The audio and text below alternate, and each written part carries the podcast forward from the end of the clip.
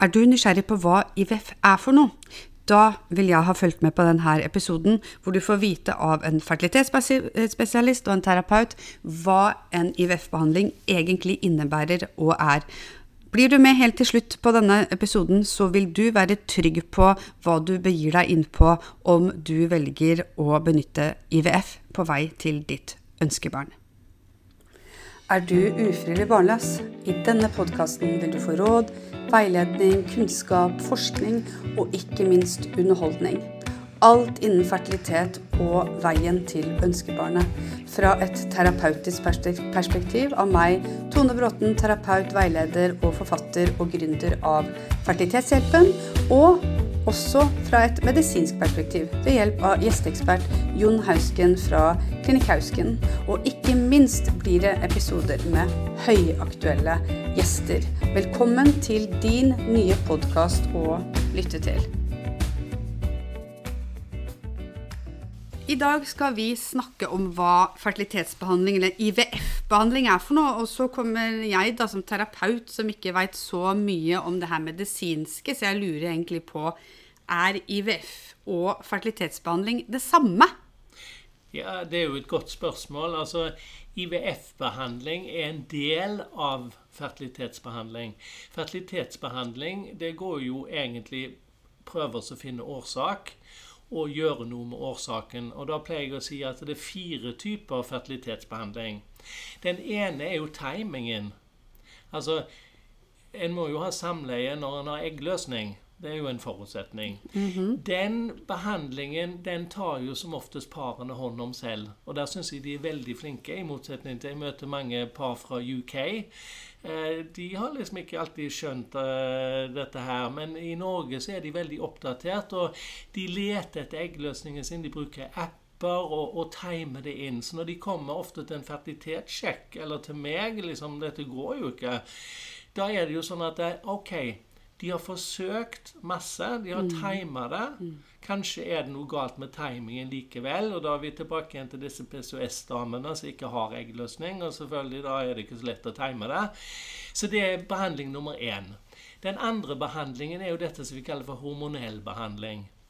Og hva betyr egentlig hormonell behandling? Jo, det er egentlig ganske enkelt. Vi, vi initierer en eggløsning.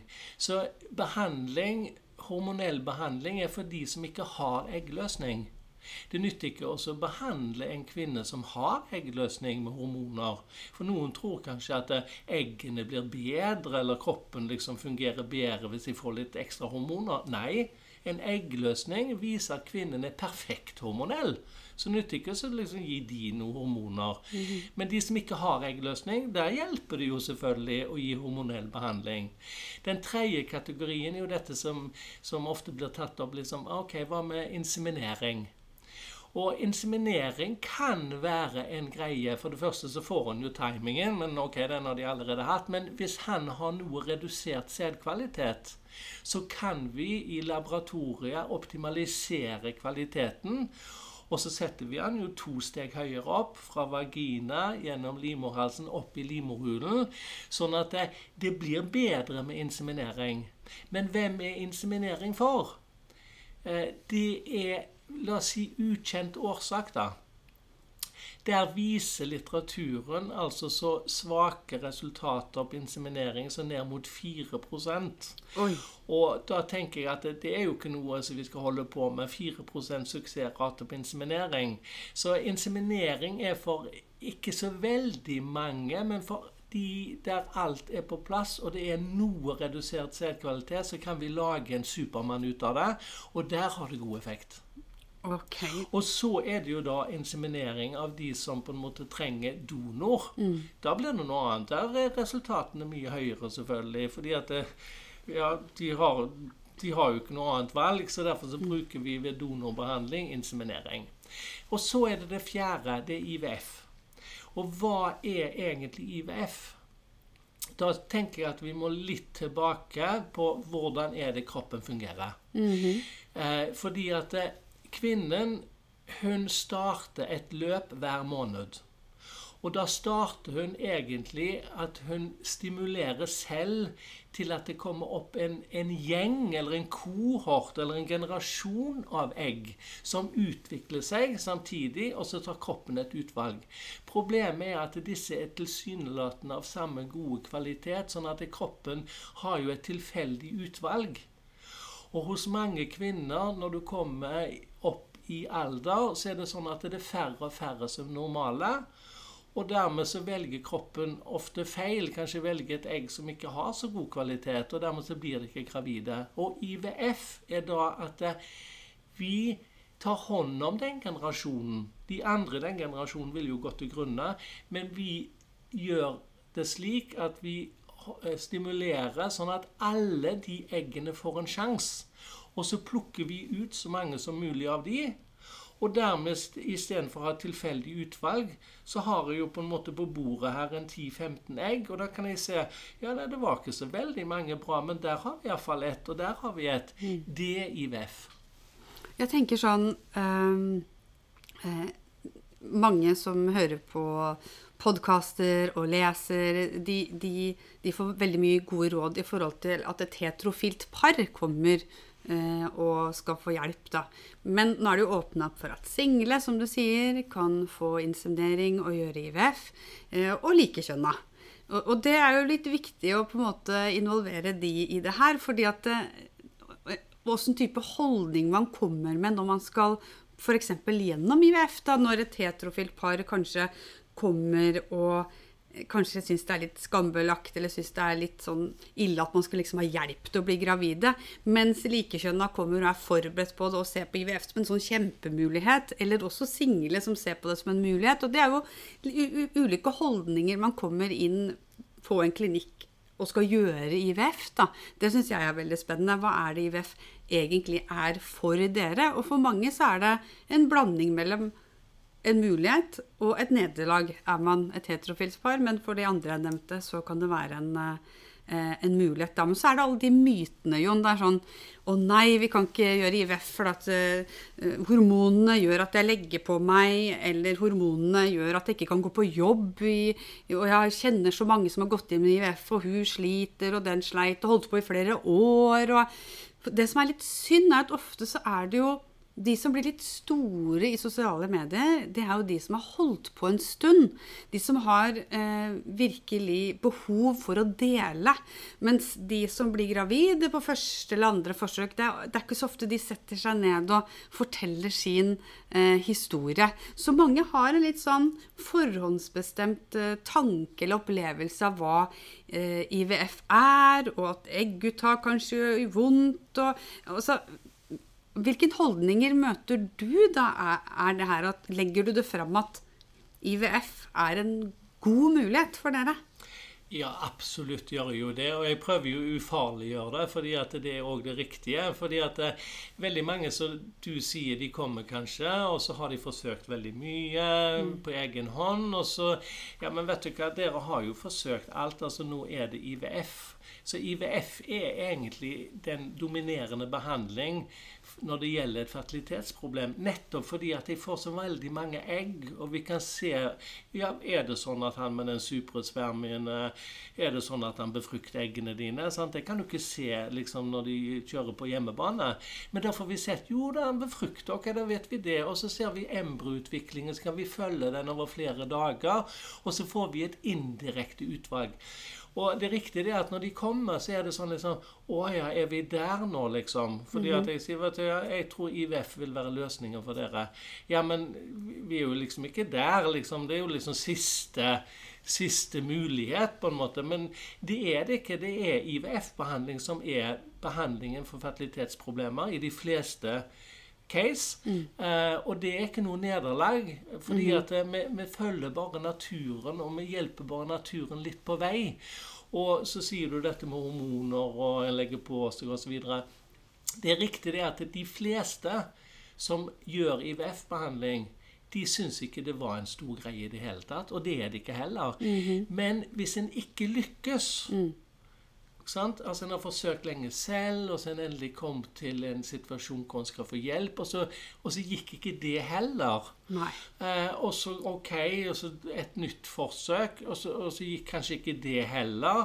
Og da begynner det å bli, bli problematisk, fordi at da, da bygger alle disse negative episodene, opplevelsene, de bygger på seg. Og så plutselig så var det ofte var det ikke så kjekt med de hormonene og sprøytene likevel. Og så sist gang så var det egguttak, og denne gangen så var det han legen litt sur òg. Så det er så veldig resultatorientert. Så hvis vi da sier tredje forsøket, da, som jeg pleier å si, da kan du ha to scenarioer. Du blir gravid. Og så vil den kvinnen fortelle i gode lag eller i venninnegjengen vet du hva, jeg har gjort IVF. Jeg. Det var ingenting. Det var en bagatell. Det, det, det var så lett som ingenting. Så har du det andre scenarioet. Så blir det negativt en gang til. Og da kan den samme kvinnen bare ut ifra de to resultatene fortelle at det, vet du hva, dette var et helvete. Ja. Dette er det verste jeg har opplevd. fordi at det, du, du liksom, De mister håp. Ja, men det går jo ikke, dette heller. Og så liksom blir Alt blir så negativt. Og det er de som hamrer løs på nettet. Og, og det er òg greit, fordi at de skal òg ha en stemme. For det er Ja, ja. en del av IVF-opplevelsen. Men det kan jeg på hjert, hånden på hjertet si. De fleste har en god reis, og heldigvis, de fleste blir hjulpen og får barn. Det som jeg er opptatt av, det er jo det her med at hadde IVF på en måte Hvis vi hadde vært garantert et barn Hvis man hadde sagt at du vet hva, du skal gjennom fire forsøk, men på det femte så blir du gravid. Da hadde jo de her forsøkene gått som en lek. Da hadde man jo gjort alt. Men det som på en måte er eh, ofte belastende, det er jo den her uvissheten. Altså du vet ikke, du får ikke garanti, men at man skal være sikker på da, at det blir lagt til rette for at det, man får høyest mulig suksessrate for graviditet. Og legge til rette. Og så vil jeg gå inn på noe du sa det her med eh, å få hjelp. Eh, for, for mange er sånn oi, Klusser vi med naturen, liksom? Eh, Ødelegger vi? Blir ikke dette her et sånn ordentlig barn fordi jeg liksom lagd det på en klinikk, da? Og jeg tenkte litt det samme sjøl. Jeg har jo barn av IVF selv. Eh, Men jeg tenker litt på det at etter at vi på en måte har plassert det her embryoet, så må jo alt gå naturlig. Altså det må jo på en måte Endometeret må feste seg på det her embryoet. Signalsystemet må fungere, som jeg sier. Så det er jo, det er jo en graviditet som skjer naturlig og likevel, selv om man gjør IVF. Absolutt. Altså, altså Det skjer jo ikke uten at det er normale sædceller og normale egg. Altså, vi, vi kan ikke trylle. Nei. Og IVF gjør ikke eggene bedre, og heller ikke sædcellene bedre. Men hos mannen så kan vi jo velge da den beste sædcellen, men det er det vi gjør med egg òg. Vi ser på en måte OK, de to der, de, de trenger vi ikke forsøke engang, men der er det noen spenstige egg, og, og de vil vi hjelpe videre. Men så skjer det naturlig videre. Når vi har plukket de ut og tilført spermiene, og, og så ser vi på befruktningen, så skjer det jo naturlig selv. Du har embryoutviklingen, og den skal jo nå et visst stadium før han kan implantere. Alt dette gjør han i kraft av seg selv. Og livmorhulen den forbereder seg, og implantasjonen, som du sier. Så vi klusser ikke med naturen. Og det som òg er godt med, med systemet, og det som er så fantastisk med kroppen da, og, og naturen, det er jo sånn at det, det er flere checkpoints. Så f.eks. i implantasjon så er det altså mekanismer som sjekker er dette et embryo som vi skal slippe inn. Eh, og litt senere sånn, så er det checkpoints. og Derfor er det også sånn at eh, jo, en kan få en positiv graviditet, men så stopper det opp. Og da er det fordi at kroppen selv har tatt et initiativ. At eh, nei, dette var faktisk ikke noe å satse på. Det å gjøre IVF det Noen kommer jo og ikke veit overhodet hva det er for noe. Og jeg pleier å forklare helt sånn eh, enkelt, da. Eh, at istedenfor at du liksom har ett egg eh, som menstruasjon som har muligheten til å befrukte, så blir du satt på hormoner over en to-tre ukers periode, og så er det egguttak, så tar man ut eggene, og så onanerer han i en kopp. Eh, og så blandes dette sammen, og så skal det dele seg. Og så kan vi se på hvordan, altså kvaliteten på embryoet ut ifra hvor godt det deler seg, og så skal det settes inn i deg igjen. Og så tar du en test. Noen ganger må man si det så enkelt, da. Eh, jeg tenker sånn Veldig mange er jo opptatt av det her egguttaket. Altså er redd for at det skal gjøre vondt. Eh, om de får nok eh, Ikke bedøvelse, men om de får smertestillende. Da. De har ikke lyst til å ha vondt. De liksom ser det litt for seg. Men gjør et egguttak vondt? Eh, det korte svaret er nei. Ja. Men så er det jo alltid noen som kjenner mer enn andre. Mm. Og da er det litt morsomt, egentlig, fordi at det, naturen har jo gjort dette sånn at vi kan gjøre det. Mm. Fordi at det, huden vår og fingrene og, og, sånt er full av eh, nerverøtter som på en måte føler hvis vi kommer bort til det. Og det skal ikke mye til for å få vondt med å brenne seg på fingeren eller noe sånt. I skjedeåpningen så er det òg ganske mye nerverøtter og føler ute. Men øverst oppi vagina er det nesten ingenting. Nei. Det betyr ikke at de ikke har, men de har veldig altså en lav tetthet. Mm. Og hvorfor det? Jo, fordi ellers hadde det ikke gått an å føde. Det, det er tøft nok så det er, men hadde det vært like mye nervefølere i vagina som det er i huden, så hadde det ikke gått. Nei. Så kroppen har faktisk lagd det til. Og så er det sånn da at eh, Hvorfor sa jeg nei? Jo, fordi at det, vi setter altså lokalbedøvelse ultralydveiledet. og Det er veldig viktig, for da kan vi se akkurat ok, Det viktigste er at jeg plasserer ultralyden, sånn at jeg har eggstokken helt perfekt foran meg. Og da setter vi lokalbedøvelse akkurat der du skal gå gjennom med nålen.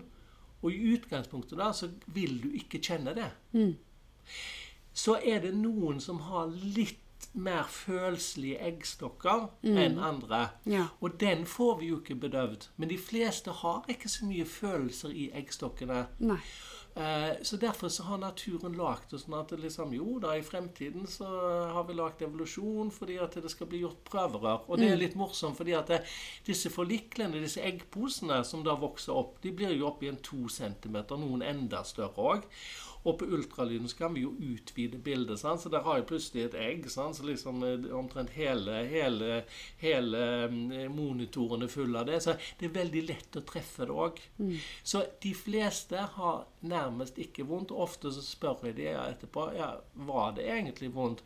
Så sier de nei, det var ikke det, men de var, de var litt redde, og noen hadde lest osv. Mm. Men så er det jo selvfølgelig noen som har mer vondt. Og hvem har det? Jo, de som har endometriose. For der blir vevet litt sånn, litt sånn fastere på en måte, og er irritert i utgangspunktet. Og de kjenner mer. Og så har du de som kanskje har noe sammenvoksning eller noen muskelknuter som gjør at eggstokken på en måte ikke ligger på normal plass. Den ligger liksom over livmoren, og da må vi begynne å manipulere, må nesten stikke gjennom. Så begynner det å bli litt vondt. Det gjør det. Men for de Aller fleste. aller fleste så er egguttak ikke vondt. Og det er jo de færreste av de jeg eh, snakker med, er sykemeldt pga. smerte i IVF. Det som de opplever som belastende, det er jo uvissheten og negative forsøk. Altså hvordan skal man på en måte bygge seg opp igjen til og, motiveres til neste forsøk igjen? Det er jo det som er, det som er viktig. Men allikevel så opplever jeg en, eh, at de her kvinnene eh, hvis man er aleine, eller parene, eller de likkjønna. At, at det er en mer sånn spennende Oi, hvor mange egg får vi ut denne gangen? Hvor mange blir befrukta? Ok, hvor mange får jeg på frys? Får jeg til søsken? Altså, det blir jo mange, mye snakk om det, store forventninger. Utfordringen er jo å møte et forsøk eh, på en litt sånn tosidig prosess følelsesmessig. Den ene er ok, jeg eh, håper og ønsker at det her skal gå bra, og gleder meg litt og er spent. Og så den andre, jeg må forberede meg på en eventuell eh, nedtur. Fordi det er jo ikke, altså den, den positive testen signaliserer jo ikke bare en graviditet, men den symboliserer at nå er vi ferdig med å være fertilitetspasienter, vi kan endelig bli foreldre, vi kan nå ringe til bestemor og mor og familie som har venta. Altså så, den symboliserer så mye, så det er så mye å miste hvis det ikke går av. Da blir jo skuffelsen stor. Men hvis man ikke blir skuffa og har tatt et, hatt et mislykka forsøk, så har man ikke lyst på barn. For selvfølgelig blir man skuffa når noe man ønsker seg, glipper. Så det er noe med å normalisere også, at det her er en skuffelse, og skuffelsen symboliserer ditt ønske om å få barn. Og så er det litt morsomt, fordi at det, du har forklart det nøye, og jeg føler at jeg har tatt tid. liksom, Hvilke mekanismer er vi ute etter? Og da sier jeg alltid vet du hva, vi er ute etter å finne ett godt egg. Eh, vi, vi kan ikke håpe på mer enn det. Eh, og noen har jo da kanskje to og tre og, fire, men det er noen som ikke har i det hele tatt. Så vi er ute etter ett godt egg. Og da er det sånn at i møter paret, så, så har vi fått et flott embryo. Kanskje har de vært heldige og fått to, og kanskje tilbudet Eller de har fått frosset ned òg. Men så alltid det samme spørsmålet. Ja, men hva med de andre?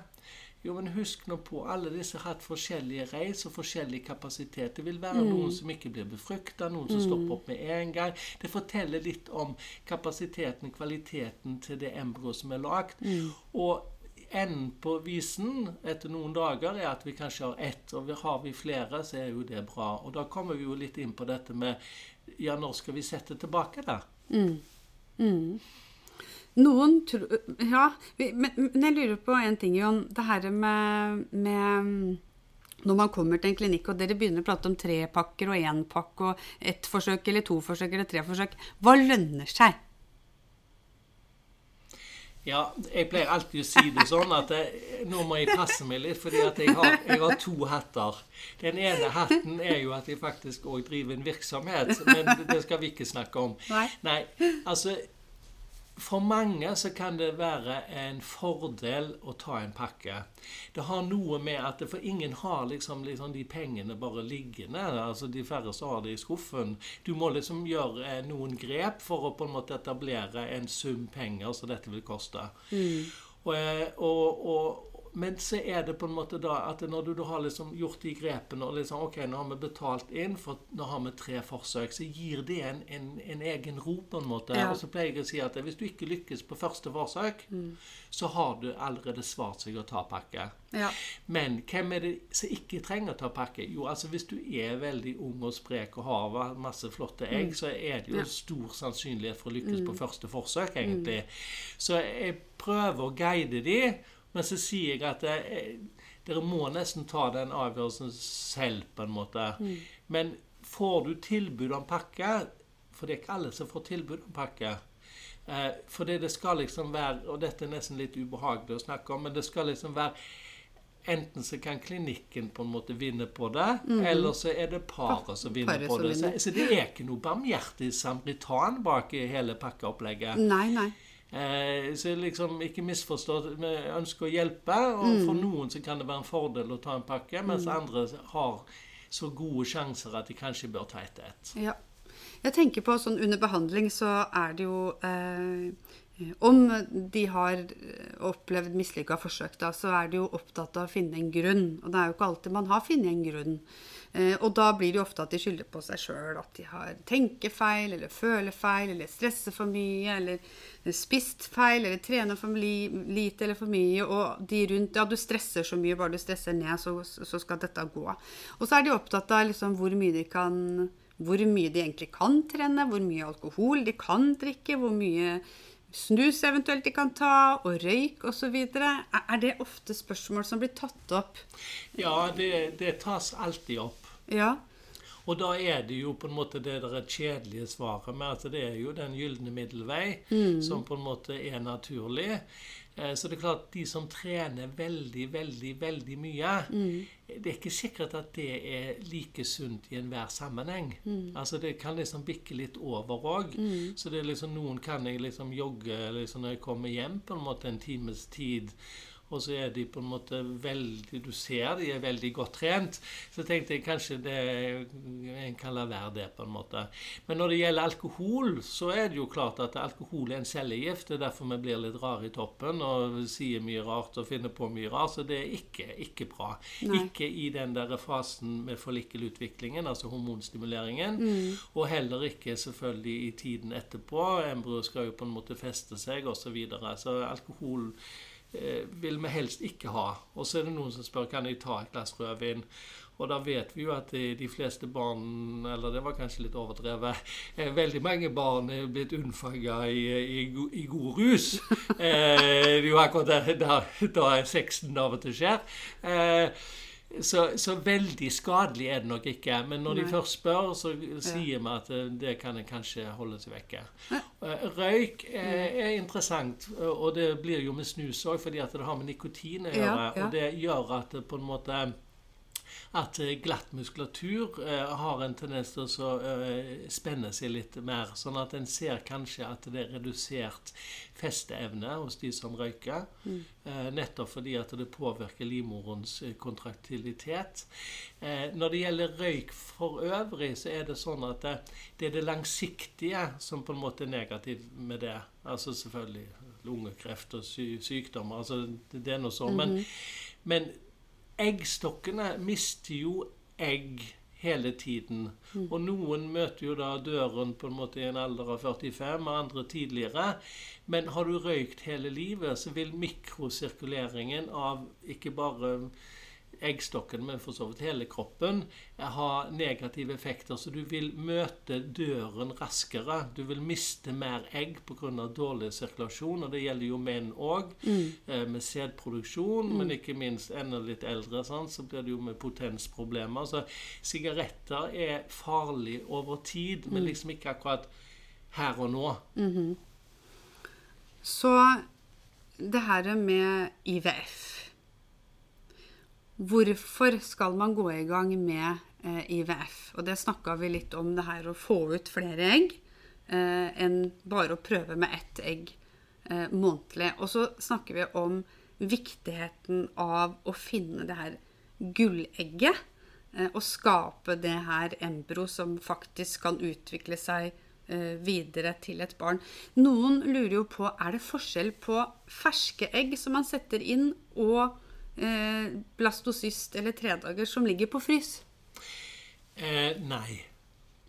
Eh, tvert imot, eller kanskje er det nesten en fordel med frys.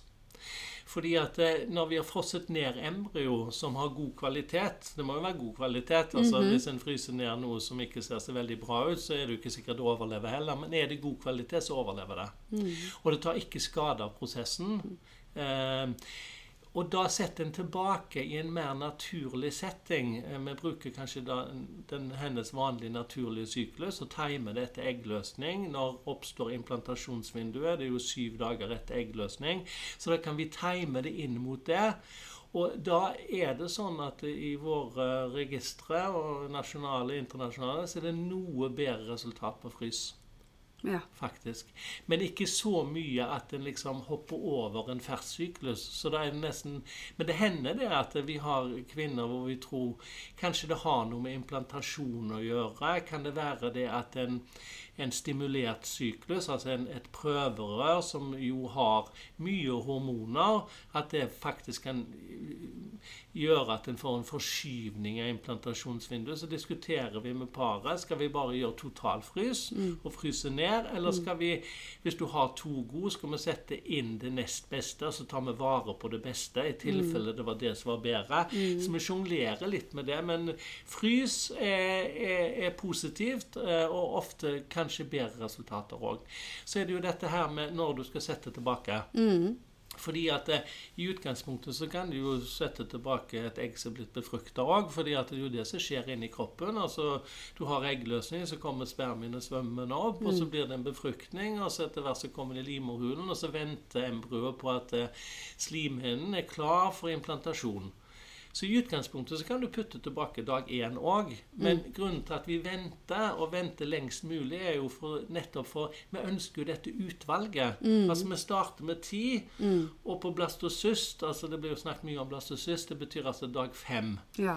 Um, for det oppstått en, en, kavitet, et hulrom, med at cellene har på en måte um, lagt seg som en sånn hinne inne, samt at du har fått liksom allerede hvor fosteret på en måte skal begynne, cellene organiserer seg som dette. Grunnen til at det gir bedre resultat, er jo ikke fordi at det har eh, en bedre implantasjon, men vi har jo fått sett på en måte at Å ja, det klarte seg helt til blastocyst. Da vet vi i alle fall det. Fordi på dag to så vet vi jo ikke hadde det egentlig gått til blastocyst. Så det, det er ikke det at det blir bedre av det. For noen tror liksom at det blir bedre. Nei, så hadde vi kunnet vite liksom Ja, men det er jo det allerede på dag to. Vi vet 100% Da kan vi liksom sette det inn. Ja. Men det vet du ikke. Nei. Det er jo det som er liksom den indirekte utvelgelsen. Ok, la de få vise seg frem, da. Ja. Og så, så har du kanskje bare én plass, og syns ok, men da var det det beste. Og det er det du skal tilbake. Men så er det jo det eh, i hvert fall jeg opplever kan være mest krevende for de jeg snakker med. Eh, nummer én, det er visst eh, De aner jo ikke hvem det er. Altså, det er ingenting feil som er funnet ved paret. Ikke med spermen, ikke ved henne, men så prøver man i IVF og ser på en måte hva som skjer. da. Og si at de får en blastocyst. bare, Å, nå ser alt perfekt ut. Det her burde sitte. Og så sitter det ikke. Og da er det jo ofte kvinnen på en måte begynner å angripe seg sjøl igjen. Hva, hva er det jeg gjør feil? For til og med spesialistene sier det er bra. Men selv om det er blastocyst, Jon, så trenger det jo ikke å være helt perfekt. Gjør det det? Nei, overhodet ikke. Fordi at vi har jo gradering. Altså, det, du kan ha en topp blastocyst, eller du kan ha på en måte en fin blastocyst, eller kanskje til og med en blastocyst som kanskje ikke var så fin allikevel. Kanskje det har skjedd noe uregelmessigheter i embryoutviklingen frem mot blastocyst, som på en måte kan kanskje fortelle det, kanskje de ikke har kapasiteten allikevel. Men jeg pleier å si at hvis det er en fin blastocyst, så er det 50-50 på implantasjon. Ja. Men da må en ta alderen inn òg, fordi at dette blir akkurat som en vekt. fordi at er du da 40, så er det ikke 50-50. Da er det kanskje 20-80, da, vet du. Men hvis du da er 20, så er det 90-100. Så hvis du tar hele gruppen, så blir det 50-50.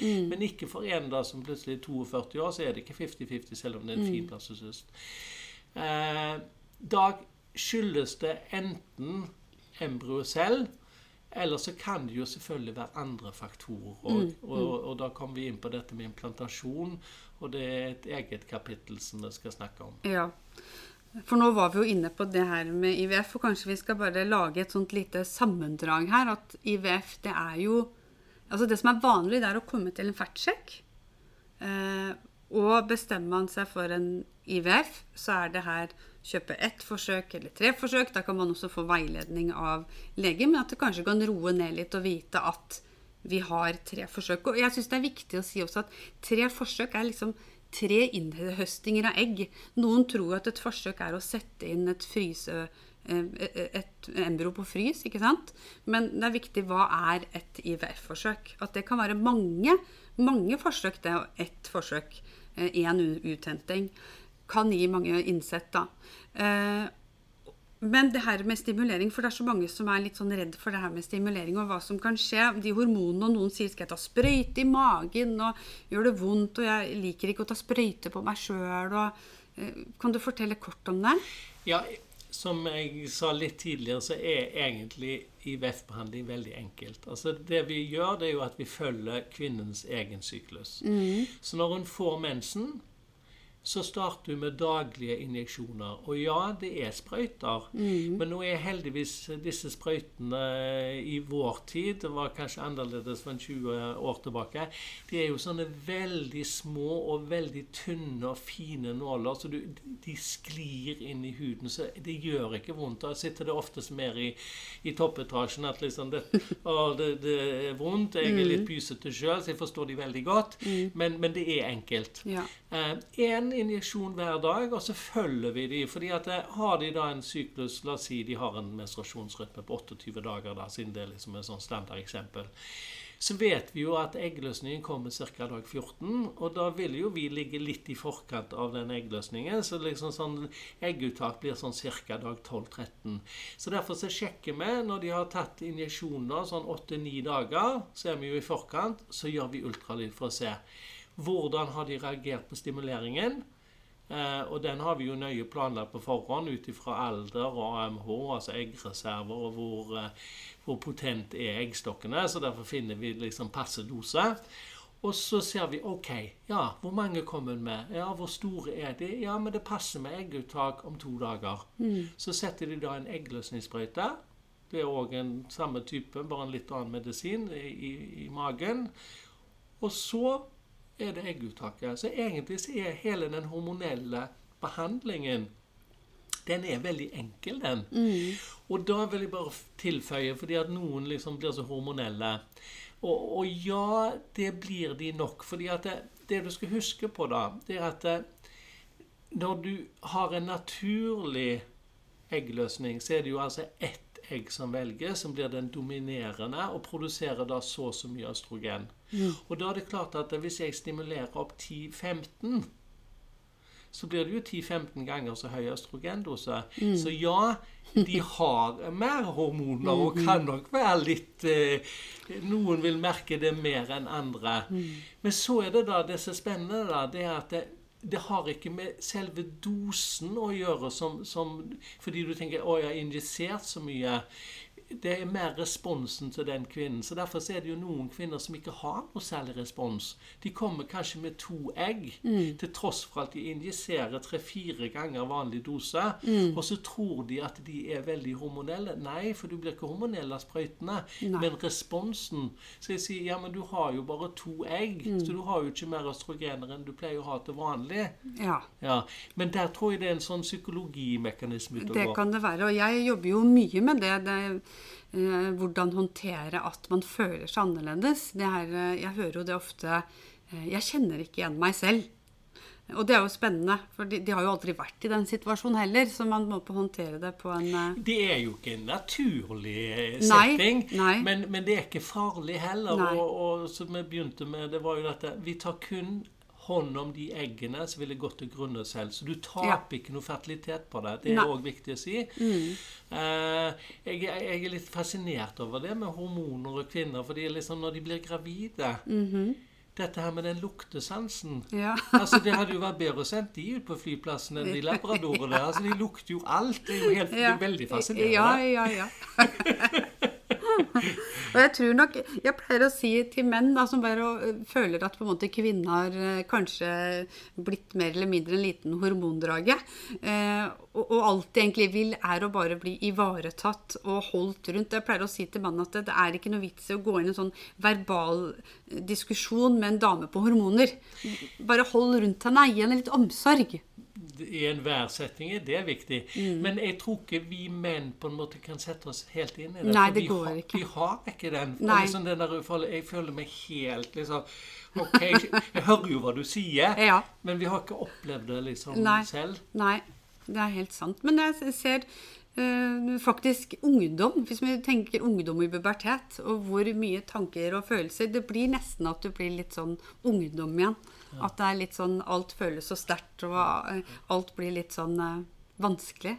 Men tilbake til dette her med hvorfor jeg sier det likevel er enkelt. Ja. Det er fordi nettopp at eh, du går inn i et prosjekt, du er positiv, og da tåler du mye. Mm. Det Det er først når du har hatt to, tre, fire, fem, det blir seks vanskelig.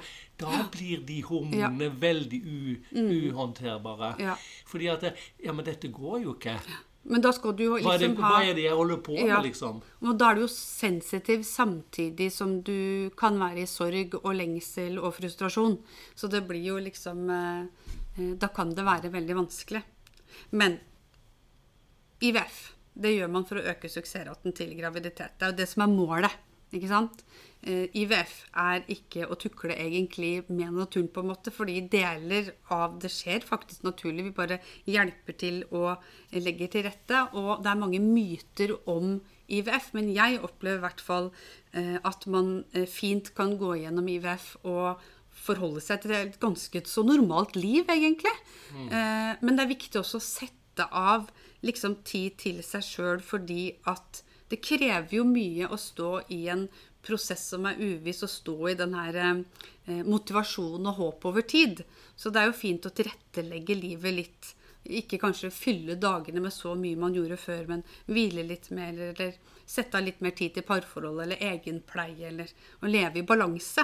For jeg tror veldig mange får denne beskjeden bare lev som før, og så blir det vanskelig. Hvordan er det jeg egentlig lever? Men Men det å si bare lev, prøv å leve i balanse, sånn at du har noe form for overskudd. Og hvis du ikke har det, så må det hentes inn eh, på, på, et eller annet sted, eller at du må roe ned. Det jobber jeg masse med i forhold til eh, de pasientene som kom til meg. Hvordan skal du leve på en måte nå som du syns er ok, mens du holder på med det her prosjektet. Og også gjøre kanskje prosjektet ved siden av som har en start og en slutt og et godt eh, innhold, hvor du ser resultatet som, som en motvekt mot det prosjektet som klinikken tar seg av. For jeg syns det er veldig fint hvis man føler seg så godt ivaretatt på klinikken at man har løfta hele barneprosjektet over til eh, klinikken og slipper litt ansvaret sjøl. Eh, og så må man bare gjøre det man kan for å, for å leve i balanse ved siden av. Det tenker jeg er viktig. Ja, og så er det noe med at eh, Altså, den derre håndtere paret på, på, en god måte, mm, mm. det er jo et sterkt ønske fra oss. Mm. Men det er jo ikke alltid vi får det til. Mm. Eh, fordi at plutselig så, så, så, glapp det kanskje i en telefonsamtale du skulle ha tatt. Eller, mm. eh, og det skaper òg litt sånn gnisninger. Men en forsøker jo virkelig så godt som en kan. Og så mm. er det sånn at det, av og til så er det ikke alltid det treffer. Og at noen faktisk opplever at eh, jeg følte ikke ivaretakelsen var god mm. nok. Og, og, og sannsynligvis med rette. Mm. Og det er fint å si fra. Noen blir sånn 'Jeg tør ikke å si fra til klinikken eller til den sykepleieren eller den legen', eller for å tenke om eh, det går utover behandlinga mi. Man sitter og tar det veldig personlig. Men jeg tenker at det, det er bare Det hjelper jo eh, helsepersonell. Om man sier ifra du vet hva, jeg ønsker det sånn og sånn, eller det her er jeg litt misfornøyd med, så man kan sette på et lite ekstra gir til akkurat det paret. Og så tenker jeg at eh, altså det er jo alltid best å nå mål sammen, altså vi er sammen om dette, mm. som, som, kliniker eller klinikk mm. og paret. Vi må liksom være på bølgelengde. For av og til så, så, har det ikke gått akkurat sånn som vi kanskje planlegger, eller mm. paret så for seg at det skulle være. Mm. Og da er det viktig at vi håndterer og snakker om det. fordi at det, eh, hvis vi skal på en måte liksom jobbe litt mot hverandre nå, eller vi stoler ikke på hverandre, mm. Da er liksom løpet litt eh, dødt, tenker jeg. Ja. Fordi at det, eh, du, vi må på en måte vi må sammen om dette. Det skaper i alle fall de beste resultatene. Helt klart. Da tror jeg vi har tatt eh, mange områder rundt IVF, Jon, som mange kan synes er interessant og ikke belærende, men veldig god informasjon, tror jeg. Ja, jeg håper det.